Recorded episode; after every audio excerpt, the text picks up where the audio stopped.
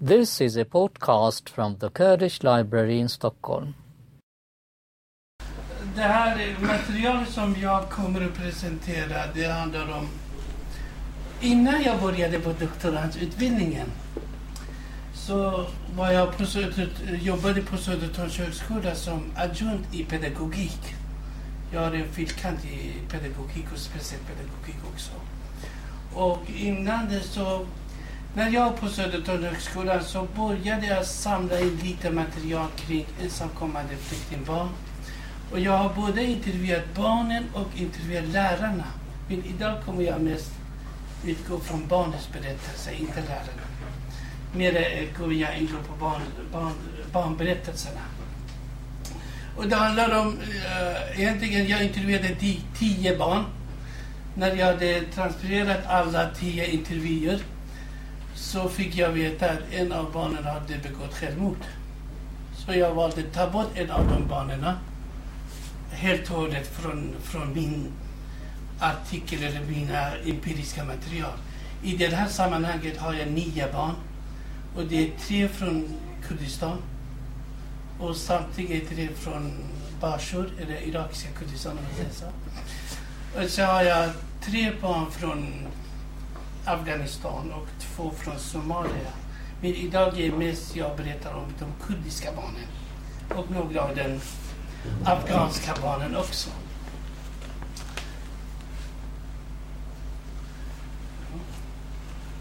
De frågorna som jag har mest intresserad varit, hur ser den ensamkommande flyktingbarn på sin situation och tillvaro i Sverige? Om deras liv i Sverige, och det ser ut med deras liv. Och hur de ensamkommande flyktingbarn eh, ser på skolan, pedagogik och trygghet och lärande och framtid. När jag pratar om framtiden, då, många av de ungdomarna har väldigt höga framtidstankar. Men så fort de kommer till skolan, deras framtid kommer att krossas av lärarna. För lärarna tror att de kan bli poliser, de kan inte bli läkare eller advokater. Och det är någonting som väldigt snabbt de, de där ungdomarnas drömmar blir förkrossade av de där lärarna på skolan. Men jag tänker inte gå in mycket på de lärarna. Så, men det som jag har gjort, jag har gjort eh, det som man kallar för halvstrukturerade eller semistrukturerade intervjuer. Då har jag intervjuat de där barnen. Och jag medvetet valde att intervjuer på kurdiska och persiska de som är från Afghanistan brukar de tala dari som är ett slags persisk. Och jag kan persiska eftersom jag är uppvuxen från iranska delen av Kurdistan. När det gäller teori så har jag använt lite olika. Det finns eh, tre väldigt kända norska psykologer som eh, pratar mycket om trauma och kriser. Och de har en jättekänd bok som heter Krispedagogiska modeller där man talar om olika modeller av kriser och trauma och hur man ska hantera den posttraumatiska sammanhangen. Sen vad jag förstår, det finns en annan som heter Abdul, Abdul Bagir Ahmed som har kurdiskt påbrå. Där sitter framme. Det visste jag ingenting om. Abdul Baki. Abdul Baki, okej. Okay. Just det. Och jag har... Erik, alltså inte Erik utan Adam. Okej. Okay. Vad jag förstår att han har också forskat kring den där frågan. Det vet jag inte. Men tack att jag fick lära känna till det. Och han har också använt det där. Och jag, jag mest kanske använder hans, hans teori kring barnets lärande och problem med lärande och eh, hur den där påverkar barnets lärande. De kommer att få koncentrationssvårigheter, svårigheter med lärande och kunna sitta i klassrummet. Men jag tänker inte gå in mycket på de där teorierna för att den är rätt komplicerad. Vi har väldigt många olika definitioner på vad som är ensamkommande flyktingbarn. Jag har under den där perioden när jag kollat på så har jag hittat åtta olika definitioner. Men i forskningssammanhang så brukar man utgå från staten, eller den svenska regeringens definition. Den svenska regeringens definition är Ensamkommande barn eller barn anses under 18 år som vid ankomsten till Sverige är skilda från båda sina föräldrar eller från någon annan vuxen person som får anses ha rätt till föräldrarnas ställe eller som efter ankomsten står utan sådan ställföreträdande. Det är en statlig definition och uh, samtidigt man ska komma ihåg, i Sverige man kallar dem inte för ensamkommande flyktingbarn utan de heter ensamkommande barn. Men jag är väldigt konsekvent i min forskning talar om ensamkommande flyktingbarn och inte ensamkommande barn. Och då får man i så fall argumentera varför jag använder det där begreppet. Sen har vi Rädda Barnen, också en uh, eh, lite annorlunda definition på ensamkommande flyktingbarn. Ett utlandsmedborgare eller statslös person under 18 år som anländer till Sverige utan sina föräldrar eller juridiskt sedvänligt huvudsaklig vårdnadshavare som efter ankomsten lämnas utanför sådana ställföreträdare. Och avslutar jag med Europakonventionen som är också en, en, en, en, eh, an, lite annorlunda definition.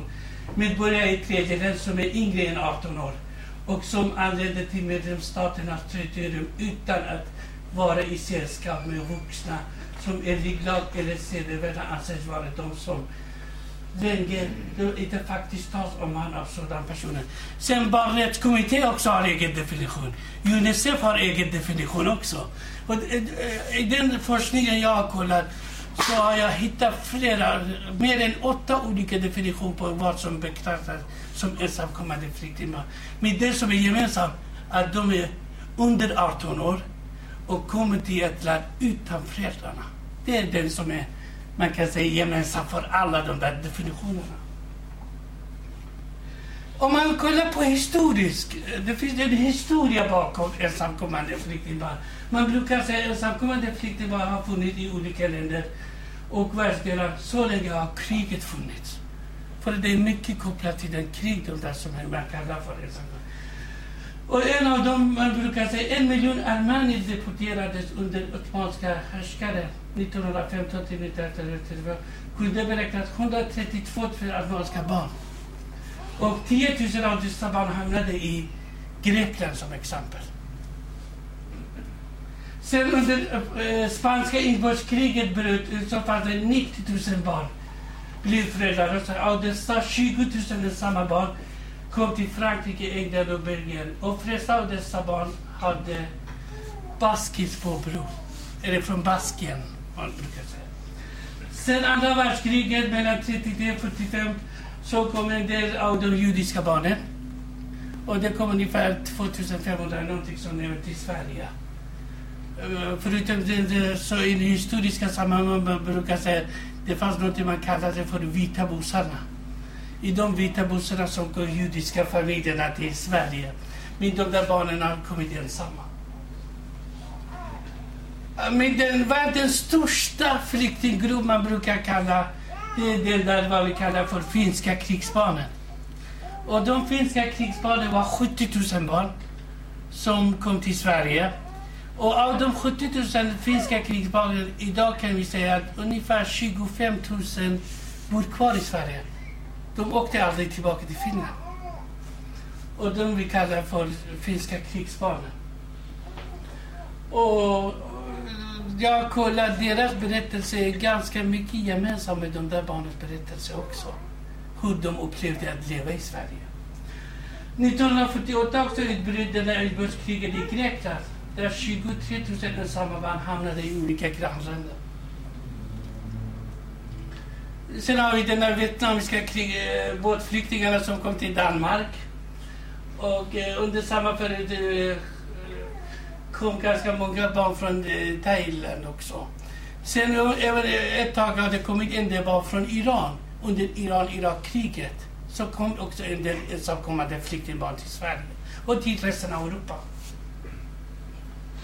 Uh, sen från Ungern kom också en del barn. Uh, men samtidigt den engelska gruppen var väldigt intressant. Det var den första gruppen som i Sverige fick ha eget grund och gymnasieskola. För det fick man inte ha sådana skolor i Sverige. Men det var den första gruppen av ungarna som fixade eget gymnasium och grundskola i Göteborg-trakterna. Man kan säga att eh, eh det finns ungefär 150 200 000 flyktingbarn i världen. Av dessa så, kommer, så brukar komma 20 000 till Europa. Av de 100 000 eller 200 000 barnen. Och av det brukar komma 3 500 personer till Sverige. Men nu har jag kollat på Migrationsverkets progress att det kommer öka till ungefär 5 000 barn per år fram till 2017. Och det är på grund av kriget i Syrien och kriget i andra delar av världen kommer eh, att öka detta progressen för hur många ensamkommande flyktingbarn kommer till Sverige. Eh, 2013 har kommit 3490 ensamkommande barn. Och det är ju, eh, den senaste tiden har alltid varit folk från Afghanistan i den största gruppen. Och det är fortfarande en stor grupp. Sen kommer Syrien, Marocko och statslösa. Och där i statslösa, jag, eller jag vet inte, men jag själv brukar säga att kurdiska ungdomar kan hamna i de statslösa. Eller barn från Palestina, som vi kallar för statslösa. Jag har ju det som placeringen. Och då, då har det kommit barn från 77 länder till Sverige.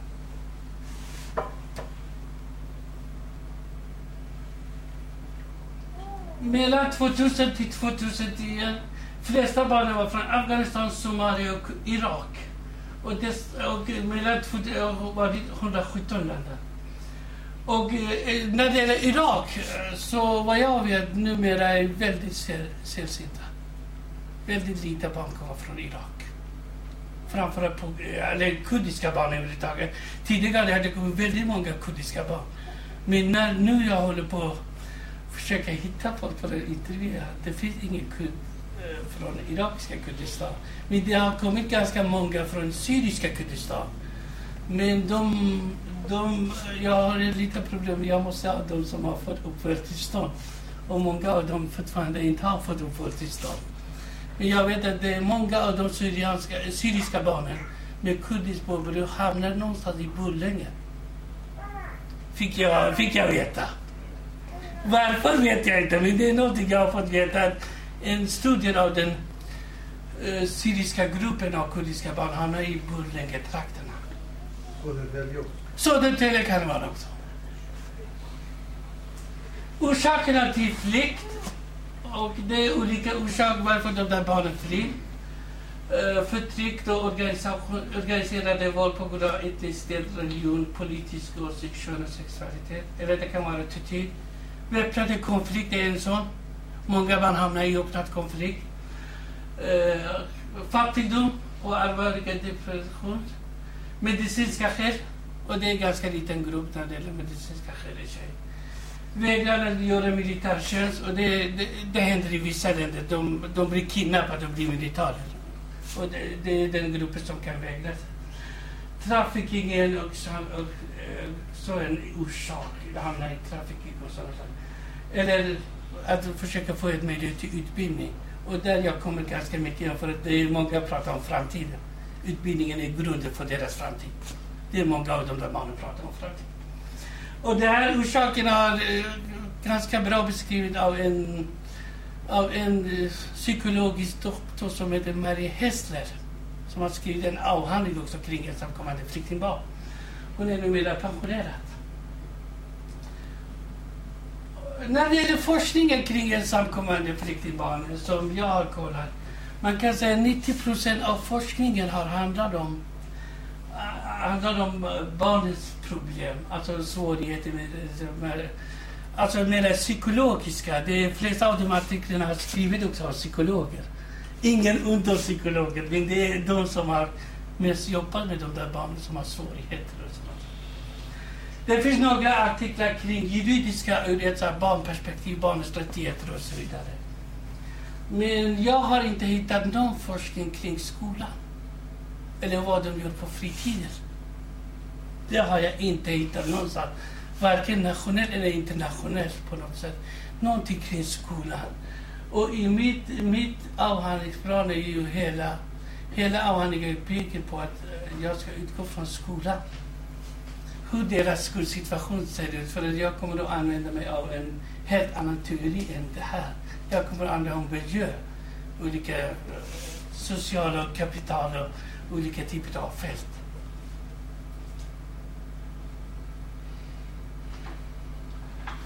Just det. När det gäller de där barnen. Så fort pratar man med de där ungdomarna, med de där barnen, så kommer man in på diskussion om krig och mardrömmar. Oavsett vad du pratar med dem så börjar de alltid diskutera om krig. Krigen har varit väldigt, väldigt stor del av deras liv eftersom många av dem har upplevt krig också. Och det här är en kille som heter Rösgar.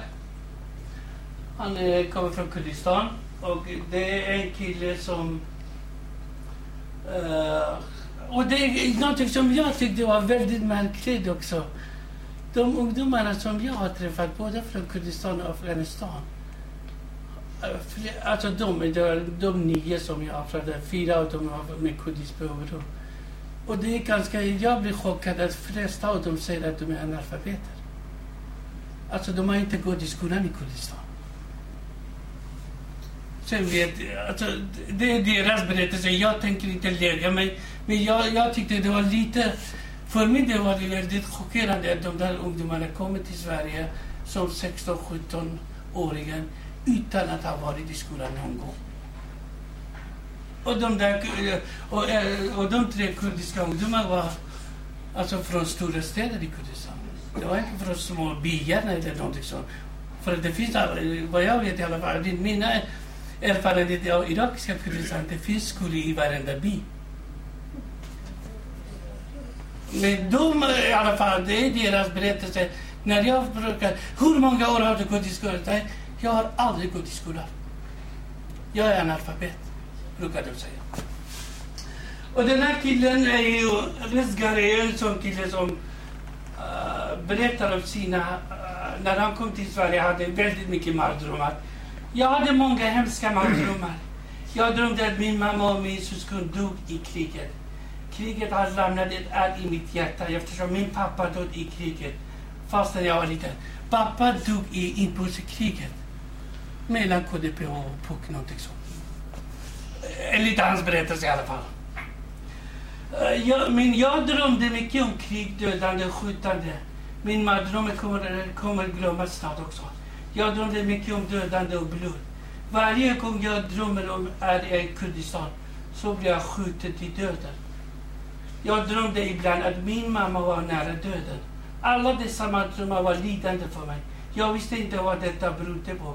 Om detta beror på ensamhet, längtan eller att jag är föräldralös eller vad. Och det är de där mardrömmarna som hela tiden dyker upp av de där barnen. Och det är ganska intressant. Det spelar ingen roll om du är från Kurdistan, Afghanistan eller Somalia. De har likadana upplevelser. Och det är de här drömmarna.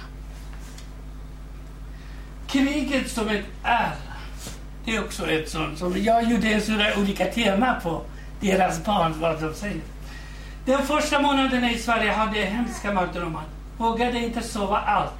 Ofta drömde, att, och drömde jag om att en grupp talibaner kom hem till oss för att hämta mig och avrätta mig. Jag drömde att jag sprang som galning för att rädda mitt liv. Jag drömde mycket om mina föräldrar. Kriget har påverkat mig jättemycket. Jag har blivit skadad i mitt själ. Jag har mycket dåligt självförtroende. Det jag såg med allt dödande gjorde att jag tappade apti och själ. Det finns kvar i mitt hjärta som ett är. Jag har ett så dåligt självförtroende. Jag var rädd för hela samhället. Jag har mycket mardrömmar om krig, dödande och halshuggning och folkmord. Det är dessa hemska saker som jag drömmer om. Det är den där upprepade berättelsen av de där barnen. Och det är, de är inte... Alltså de är 15 år. 15, 16, 14. Jag träffade en ung som 14 som hade likadana hemska mardrömmar som sitter och berättar. Ensamhet och längtan också är ett sånt tema som jag tycker var i den central betydelse, teman om man längtar, alltså ensamheten. Det är skönt att leva i Sverige, men längtan och saknad efter nära och kära är mycket svår. Jag lider av ensamheten. Längtar efter föräldrahemmet, mamman och syskon, landet där jag är född. Alla detta längtan kokar inom min kropp. Ensamheten gör mig galen. Ofta sitter jag hemma och tänker på min mamma och mina syskon. Vad gör de? Hur går det för dem? Det värsta som kan hända är att du är i exil och får besked att någon av din älskade dör. Exil och ensamhet är det värsta.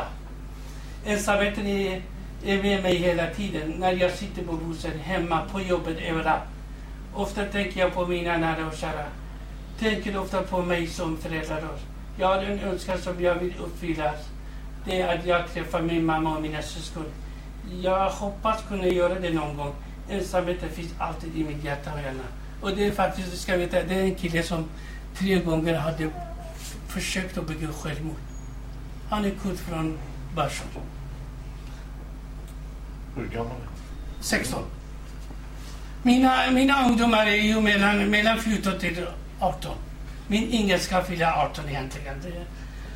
Den där Majid, är, han är från uh, Afghanistan. Också en sån som ensamhet, att man har övergivit. Det var jättejobbigt från början. Kände ingen, hade ingen kompisar, kunde inte svenska. Ensamheten är en stor börda. Jag var jag ledsen igen. Det har hänt att jag satt i bussen på väg till stad och grät hela vägen eftersom jag saknade min familj. Jag tog på mig solglasögon för att ingen skulle se det. Se hur jag mådde. Jag saknade min familj och kände mig ensam och övergiven. Och det, alltså den här killen, tack och lov, nu har han fått sina föräldrar till Sverige. Det, men samtidigt, ni ska komma ihåg, eh, alltså varenda gång man intervjuar de barnen så blir man överraskad. Eftersom nu har, eh, när vi kom till Sverige så fanns det två typer av uppehållstillstånd. Antingen man fick en politisk uppehållstillstånd eller humanitär uppehållstillstånd. Men nu har jag förstått när det gäller de där afghanska barnen. Det, det finns lite nivåer på uppehållstillståndet. Det, det har blivit nu, eh, graderat utifrån nivå. Vissa, vissa får till exempel G, eller de barnen berättar. Och när de har fått G, oavsett om de är 13, 14, 17, de har inte rätt att hämta föräldrar. Och det visste jag inte sådana såna graderingar av uppehållstillståndet. Nu har de olika, sju olika grader på att få uppehållstillstånd. Karbulad jobbade så borde han veta mer om det här. Men jag, jag fick lite chockad att det finns så som verkar graderingen vad det gäller olika typer av uppehållstillstånd för de där barnen. Får alla vara, eller bara afghaner? Det vet jag inte, men jag pratar just nu bara med afghaner. Men det jag inte. Alla gäller. Vad sa du? Alla gäller. Det gäller alla. okej. Längtan efter mor. Alltså längtan efter mamma. Jag pratade med en kille som han längtade så mycket efter sin mor. Så sa jag längtar så mycket efter min mor. Jag längtar efter lukten och sma, smaken av somaliska mat. Så kopplade lukten av maten med sin somaliska mamma. Det var en sån längtan av den där barnen. Och det är också en berättelse Hajar berättar från Kurdistan. Jag drömde jättemycket om min mamma. Att vi satt och pratade. Jag saknar min familj jättemycket. Längtar fortfarande efter dem. De första sex månaderna grät jag varje kväll. Jag var verkligen jätteledsen och grät och drömde om mina föräldrar. Saknaden efter mina föräldrar var jättestor. Det är jättesvårt att leva som ensam. Jag har många släktingar i Sverige. Ungdomar i min ålder har sina föräldrar att umgås med och leva med. Men jag då har ingen här. Inga föräldrar, syskon. Det känns så. Jag längtar efter dem. Att vara ensam är det värsta som har hänt mig. Jag har alltid varit med mina föräldrar och inte varit en sekund ifrån dem. De två åren av ensamhet är det värsta i mitt liv. Det finns ingen ord för att kunna beskriva min längtan och saknad efter mina föräldrar. Framförallt min mamma. Och de flesta av barnen pratar om mamma också. flesta av dem. Och det är en kille som är född i irakiska Kurdistan, men han är från iranska delen. Han har bott i en kamp i irakiska Kurdistan. Det finns något speciellt kamp för de där flyktingarna från iranska Kurdistan som lever där. Hon har fått i den där kampen. Jag vet inte vad den heter, men det är ett speciellt kamp i, i Irak. Väntan är alltså väntan, det vill säga att vänta på uppehållstillstånd, också är ett väldigt stort bekymmer för dessa ungdomar. Att vänta och eh, inte veta vad som kommer att hända med dem. Om de får stanna i Sverige eller inte. Den där väntan var väldigt lidande för många av barnen. Och det, det ska man komma ihåg. De har betalat väldigt mycket pengar för att komma hit. Det har gått ungefär 7 till 8 tusen dollar. De där barnen har betalat för att komma till Sverige. Jag har haft problem i skolan som har kopplat till att jag väntar på asyl och få uppehållstillstånd. Det var riktigt lidande för mig. Jag kämpade hårt för att få hit mina föräldrar men jag lyckades inte. Allt detta har påverkat mitt lärande och min skolsituation. Jag kunde inte koncentrera mig på skolan. Jag, hade, jag har inget land. Jag vet inte själv vilken land jag, jag tillhör. Det är den där kudden som är, som är kurd från Irak. Min, I passet och i allt andra betraktas som kurd från Irak. Och det, det gör att har man inte fått det där uppehållstillståndet så blir det väldigt problematiskt. Man vill inte satsa på skolan. För man vet inte vad som händer. Om de blir utvisade eller inte. Så har de väldigt svårt att börja börja plugga överhuvudtaget och gå i skolan och lära sig någonting på grund av att man vet inte vad som händer med det. Skolan och lärandet... Min största problem i skolan är svenska, engelska och matte. Jag måste lära mig själv. Ingen kan tvinga in det till min hjärna. Jag måste kämpa. Jag har mycket problem med skrivandet. Mitt problem med skolan beror på att jag tidigare endast har läst fyra år. Jag har inget stort problem med inlärning. Men det är klart, när tankarna går till föräldrarna gör det att koncentrationen blir svårare. Då blir det den här koncentrationssvårigheten som har kopplat till, till barnets problem och det där minnen och mardrömmar och allt detta gör som är svårt. Och samtidigt, det, det finns också en utbredd rasism också som är en av problemen som Rädda barnen beskriver. Alltså det, det har hänt att det finns rasism som är också en del av problemet. Och det riskerar också en kurd som berättar, jag orkar inte gå till skolan. I denna skola är det få personer som är bra och trevliga. De flesta är rasister här. Jag jobbar för det mesta, går sällan till skolan, kanske två dagar i veckan. Men jag trivs inte i kommunen. Alltså det är en speciell kommun han befinner sig i. Överhuvudtaget vad jag förstår, kommunen vill inte ha ensamkommande flyktingbarn heller. Så. Det finns mycket rasism både i skolan och i samhället där jag bor. Det, var, det har varit mycket bråk mellan svenskar och invandrare här, både på skolan och i kommunen. Man blir dåligt bemött i skolan. Man blir mobbad och svenska elever ser ner på, dem, på oss ensamkommande. Det är ett sånt, sånt nedvärderande synsätt som de barnen har om ensamkommande flyktingar. Och det, det finns en utbredd rasism också inom det Lärarnas roll beskriver lite olika. Vissa tycker att lärarna har varit bra. Vissa tycker att de är mindre bra. Men problemet också med lärarna, eh, jag tänker inte berätta, för eh, jag har en del av de där lärarberättelserna som man blir väldigt chockad. Att lärarna beter sig så här mot de där eleverna. Väldigt hemska berättelser. Hur lärarna beter sig mot barnen. Och de är ensamma, de har ingenting, de har ingenting att försvara sig. Inte ens gudmannen går på mötena. För de har en god man som ska vara ställföreträdare. Men de är väldigt passiva i de där barnens liv. En liten fråga innan du går fram. Eh, har de här eleverna berättat sina... Eh, alltså om när de har gått på förberedelseklasser? Ja, de, de går både i förberedelseklassen och det finns något som heter språkintroduktion. Det är ett program som heter Språkintroduktionen som flesta barn går. Det är bara eh, berättelse mm, om eh, pojkar eller killar. Finns inte flickor eller? Jag har, jag, har, jag har valt att bara utgå från eh, pojkar. Tack. Det är mitt eget val. Det får jag argumentera varför jag har tagit bara pojkar. Det, ja, men det finns, när det gäller flickor, man brukar säga att de flesta flickorna kommer från Somalia. Det finns flickor även från Afghanistan, men många av de flickorna som kommer till Sverige, det är från, från, från, från Somalia. Men samtidigt man ska komma ihåg, sedan 2010 till 2012, 5000 barn har försvunnit från Sverige. Man vet inte vad de har tagit vägen. Det finns en Unicef-rapport där de talade att 5000 barn har försvunnit från Sverige.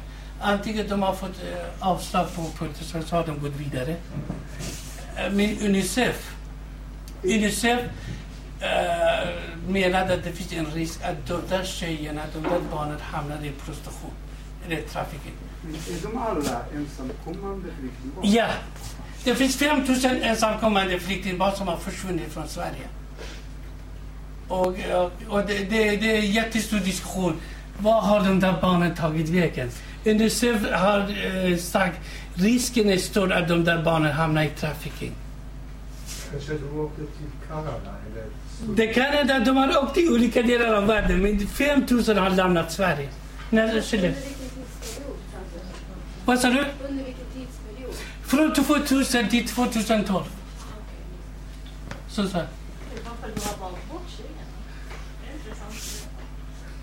Nej, jag tänker inte argumentera här, men det får... Hade du valt några tjejer då skulle man jämföra vad är deras Just det. Just det, men jag, jag förhandlar med min handledare att jag ska ta bara pojkar. Då får, vi, då får jag argumentera varför blir det. Men jag tror det blir svårare för mig tjejer att sitta och prata också. För jag, jag väldigt, det, det blir jobbiga frågor. Jag tror inte att de skulle sitta och prata. Nej, jag har inte provat, men det, det finns folk som har provat. Det blir lite svårare för en tjej. Kan du förklara trafik? De hamnar i trafik, vad menar du? Ja, då hamnar de i prostitution. Det är det man brukar säga. Då hamnar man i prostitution, de där ungdomarna. Och det, det, finns, det finns en rapport från, från Malmö. Malmöpolisen har gjort en rapport tillsammans med psykologer. Har de gjort en rapport där, där många av barnen berättar också att de har kommit till Sverige. Men under resans gång, de var tvungna att eh, sälja sex för att betala smugglarna. Det finns en sådan rapport. Det kan vi inte förneka. Det, det finns en rapport, det vet jag. Ja, Ja, eh, svenska staten, har de ingen ansvar alltså för de här 5 000 barn som har försvunnit? Letar de efter eller är det någon försök? det vet jag inte. Vad jag förstår, det är ingen som har letat. Unicef har gjort vissa skickar brev till regeringen och försöker få någonting kring de där barnen. Men eh, vad, vad vi vet, det är de 5 000 ensamkommande barnen har försvunnit. Och var de befinner sig, det vet vi inte.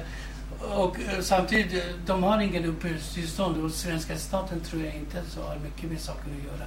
Då har de gått vidare. Hur de har gått vidare, det vet vi inte. Men var, eh, ja, jag kan inte säga någonting kring det, men det, det är en fråga som jag vet att vissa, eh, Rädda Barnen jobbar mycket med den frågan också. Jag har varit där och föreläst. De jobbar mycket med de försvunna barnen. Men det vet jag inte faktiskt hur staten skulle agera. Hoppet om framtid, det är också en sån. Många av dem pratar om framtid. Eh, det är en ung kille som vill läsa juridik och bli advokat för att hjälpa andra människor som behöver min hjälp. Hitta mina föräldrar och försöka bjuda dem till Sverige. Då kommer jag att känna lugn och ro inombords. Jag kunde skaffa ett bra liv för dem också. Bjuda in dem till Sverige eftersom det är ett bra land med alla möjligheter. Det andra killen säger, jag ser ljus på framtiden. Har många önskningar och lycka, antingen med studier eller med jobb. Hade ingen chans i Afghanistan, Min, den har jag här i Sverige. Mina etniska grupp har varit andra klassens medborgare i Afghanistan.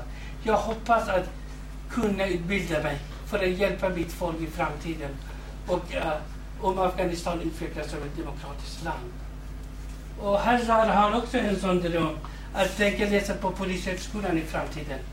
Jag vill jättegärna bli polis, men det är svårt. Men annars känner jag Resa till bilmekaniker eller rörmokare. Men jag ser, lite, jag ser lite mörkt på framtiden. Jag har svårt med flera ämnen i skolan. Svårt att hitta lägenhet och jobb. Jag måste jobba och skicka pengar hem. Jag har lånat en del pengar för att komma hit. Föräldrarna har ekonomiskt problem. Jag måste hjälpa dem med det. Jag ska jobba nu i sommar och även försöka ta körkort. Och de flesta barnen, alltså även de intervjuerna jag gör nu, flesta barnen pratar att de måste skicka pengar hem.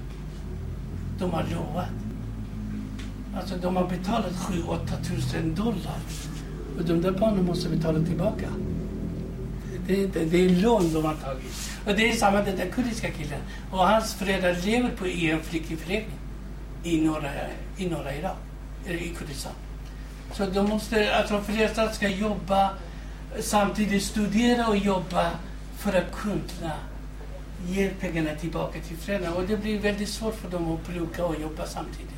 Det funkar inte, alltså man måste hinna göra ett av det. Där stannar jag. Tack. Ehm, Nu kanske vi gör så att vi har ju dagens situation som är högst aktuell på grund av Mm. barn som eh, doktor Atoshi kan berätta för oss och sen gör vi gemensam diskussion. Är det okej? Så